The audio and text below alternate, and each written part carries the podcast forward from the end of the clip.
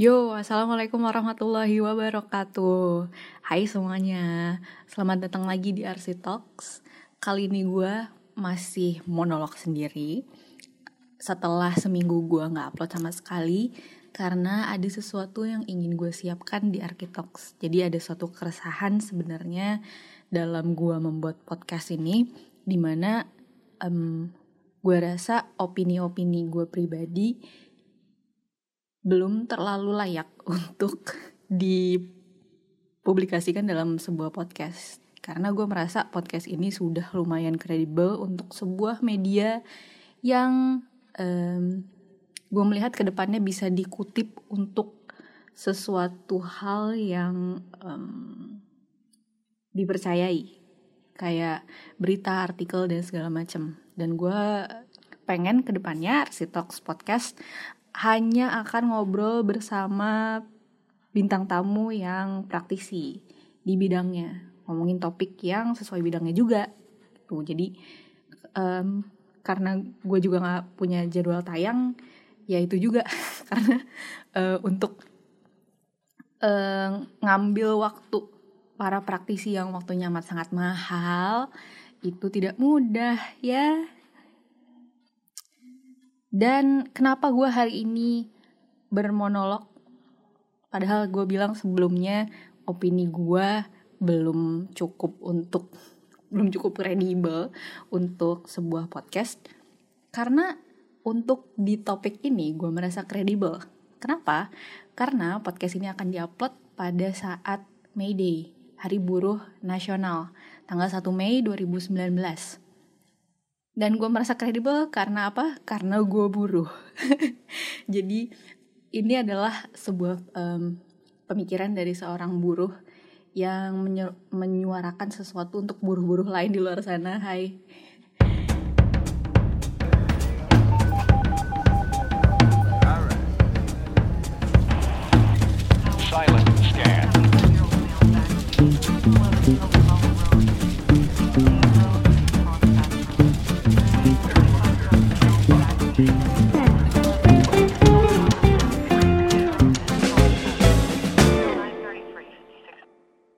Jadi yang gue ingin sampaikan kepada teman-teman buruh, buruh apa ya kita nih? Buruh studio, buruh desain. Ya, studio slavery, slavery.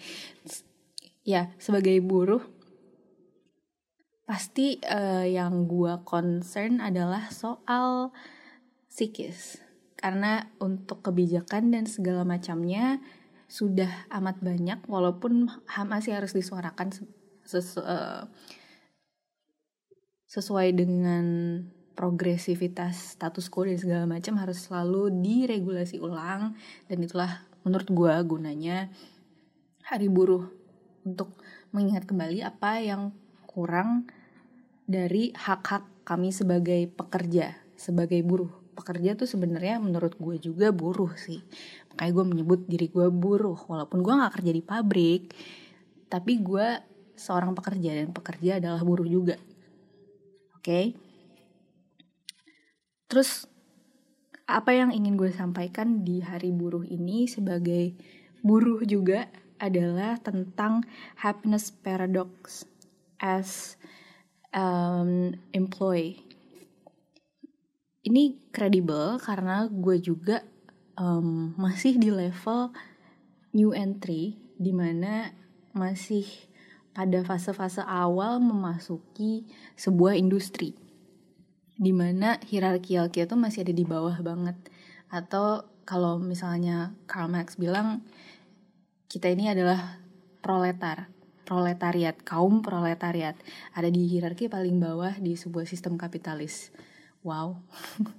Bahasa gue tinggi banget kayaknya tapi ya ya gitu deh pokoknya.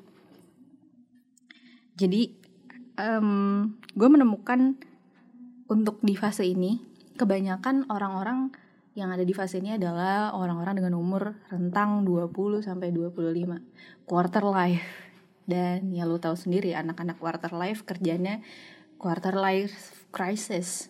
Sementara mereka harus mengejar uh, terjun di dalam sebuah industri yang yang cukup cepat berkembangnya dan dan kondisi psikis lah yang yang yang menggerakkan gue untuk menyuarakan sesuatu di sini tentang happiness paradox. Apa itu happiness paradox? Paradox sendiri artinya kan sebuah premis, sebab akibat gitu kan, yang berlawanan artinya, tapi terjadi di saat yang bersamaan.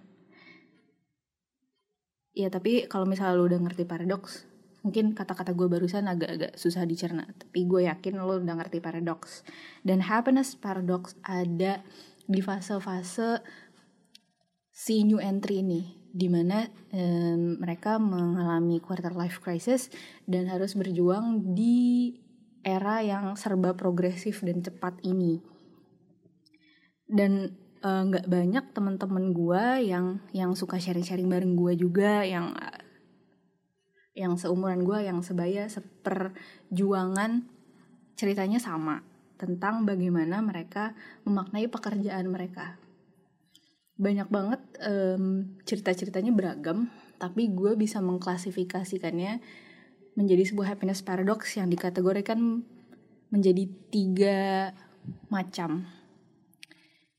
Dan tiga macam ini bisa looping uh, menjadi satu paradoks dari arti kebahagiaan teman-teman gue ini cie oke yang pertama gue mengklasifikasikan happiness paradox ini yang pertama adalah si idealis. Ya, pada dasarnya anak, anak idealis ini pemikirannya kuat banget. Teguh akan pendirian gitu. Jadi untuk anak-anak yang di industri kreatif, mereka nih lebih mementingkan idealisme mereka daripada um, kayak mereka ngerjain sesuatu tuh yang sesuai sama um, visi misi mereka. Misalnya mereka cuma mau um, misalnya di arsitektur lu masuk ke sebuah studio arsitektur yang komersil. Terus lu disuruh kerjain komersil sedangkan lu lebih banyak concern ke bagian environment yang ramah lingkungan yang tanpa ada meng, tanpa meraup banyak unsur-unsur komersil di dalam kerjaan lo.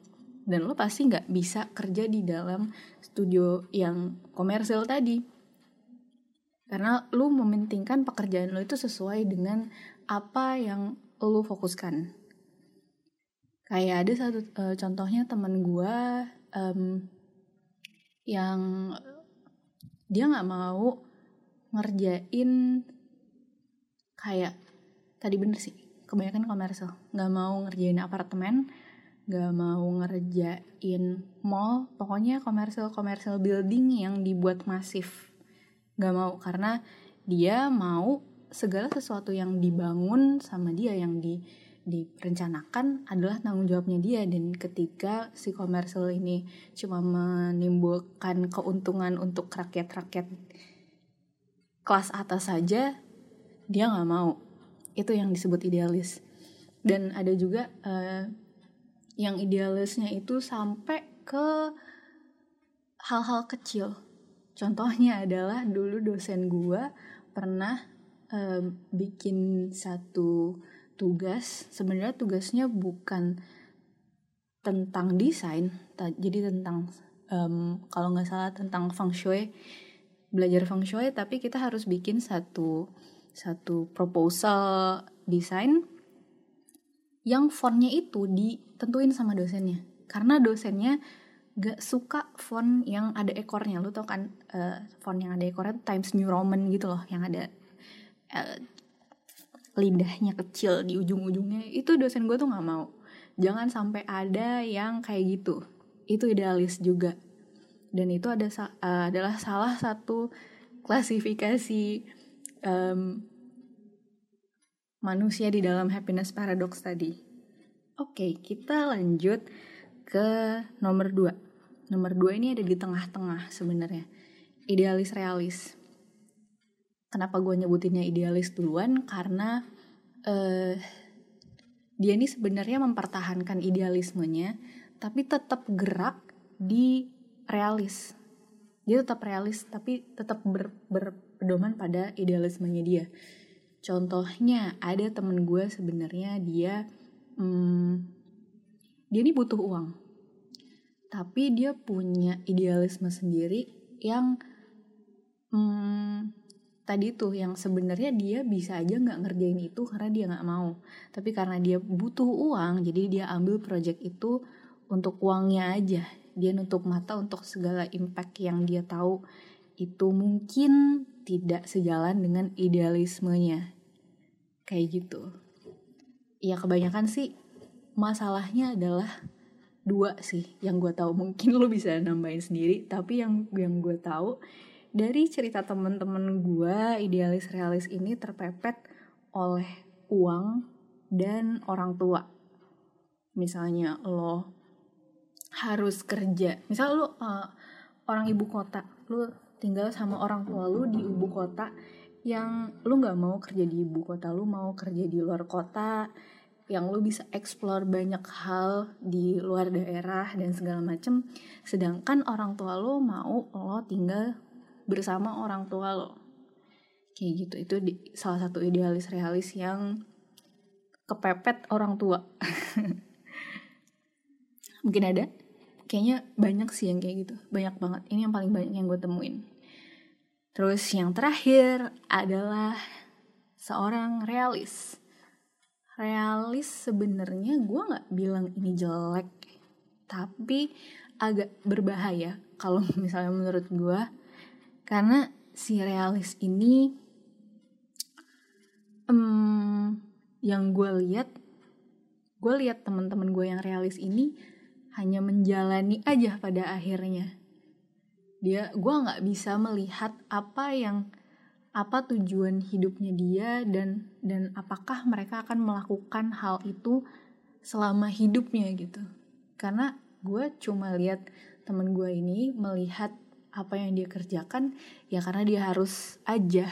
Karena itu sesuai dengan dengan misalnya dengan status sosialnya atau gimana dia fit in with the society dan dia rasa itu normal jadi ya kita dia jalani aja walaupun dia sebenarnya belum tahu apa yang dia mau dan apa yang dia cari dalam hidup.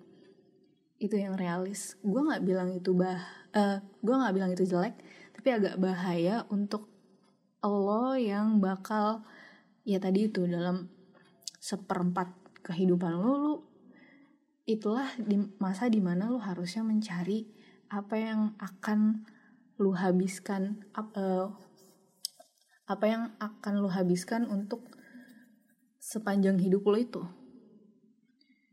Jadi gue mengajak teman-teman yang mendengarkan ini juga untuk evaluasi lo sebenarnya ada di kategori yang satu idealis. Yang kedua idealis realis. Atau yang ketiga yang realis. Itu juga berguna untuk gue setiap kali gue selalu self talk sama diri gue sendiri buat evaluasi sebenarnya gue ini ada di mana sih untuk um, untuk mengecek untuk menavigasi. Sebenarnya kita ada di di di right track gak sih? Karena gini self talk itu cukup penting dan ketika um, lu bisa me merasakan keadaan lu seperti apa sekarang lu nggak akan merasa um, kosong dalam hidup. Jadi setiap apa yang lu lakukan lu tahu manfaatnya dan lu tahu tujuannya ke mana. Itu sih tujuannya adalah untuk navigasi. Nah happiness paradox ini adalah maksudnya ketiga kondisi ini bisa aja menjerumuskan lo ke um, kondisi di mana lo merasa depresi dan um, hit the bottom rocks. Udah dalam kondisi paling bawah dalam hidup lo di mana ya itu tadi lo melakukan apa pun tuh rasanya kosong lo gak tahu apa yang lo lakuin atau bahkan ya yang pertama nih misalnya si idealis ini udah melakukan segala sesuatu dia pikir semuanya sempurna atau dia bi biasa melihat secara visual sebagai kita ya buruh-buruh visual melihat sesuatu yang bagus, yang tertata, yang sempurna, rapih, mulus. Dan ketika kita melihat sesuatu yang berantakan sedikit aja, itu akan membuat kita jadi stres, sepaneng dan dan apa ya? Dan bawa kondisi psikis lo jadi down walaupun sedikit. Tapi hal-hal itu bakal mengganggu lo secara pelan-pelan. Itu sih yang gue lihat bahayanya dari uh, kalau misalnya lu nggak konsen ke kondisi lo ini untuk self talk dan ketiga in, ketiga klasifikasi ini bisa membawa lo ke um, kondisi yang tadi tuh yang berlawanan tapi terjadi bersamaan. Dalam satu sisi lu bisa merasa puas sekali dengan kerjaan lo menjadi idealis atau realis atau in between atau lu bisa merasa frustrated frustasi sama pekerjaan lo yang mungkin progresnya kecil atau sesuatu nggak sesuai sama harapan lo. Itu bisa membawa lo kayak tadi di dijatuhkan pelan-pelan digrogoti pelan-pelan gitu guys. Ya jadi itu sih yang gue ingin sampaikan kepada teman-teman gue sebagai gue buruh visual. Semoga ini bermanfaat untuk kita semua dan gue mau mengucapkan selamat hari buruh nasional. Selamat liburan guys. Itu ya yang paling penting. Oke terima kasih sudah mendengarkan gue jangan lupa dengerin gue terus di Spotify, di Apple Podcast, di Anchor, tapi di SoundCloud gak ada karena di SoundCloud bayar ya. Jadi jangan lupa untuk keep in touch di Instagramnya di arkitalks.podcast. Bye.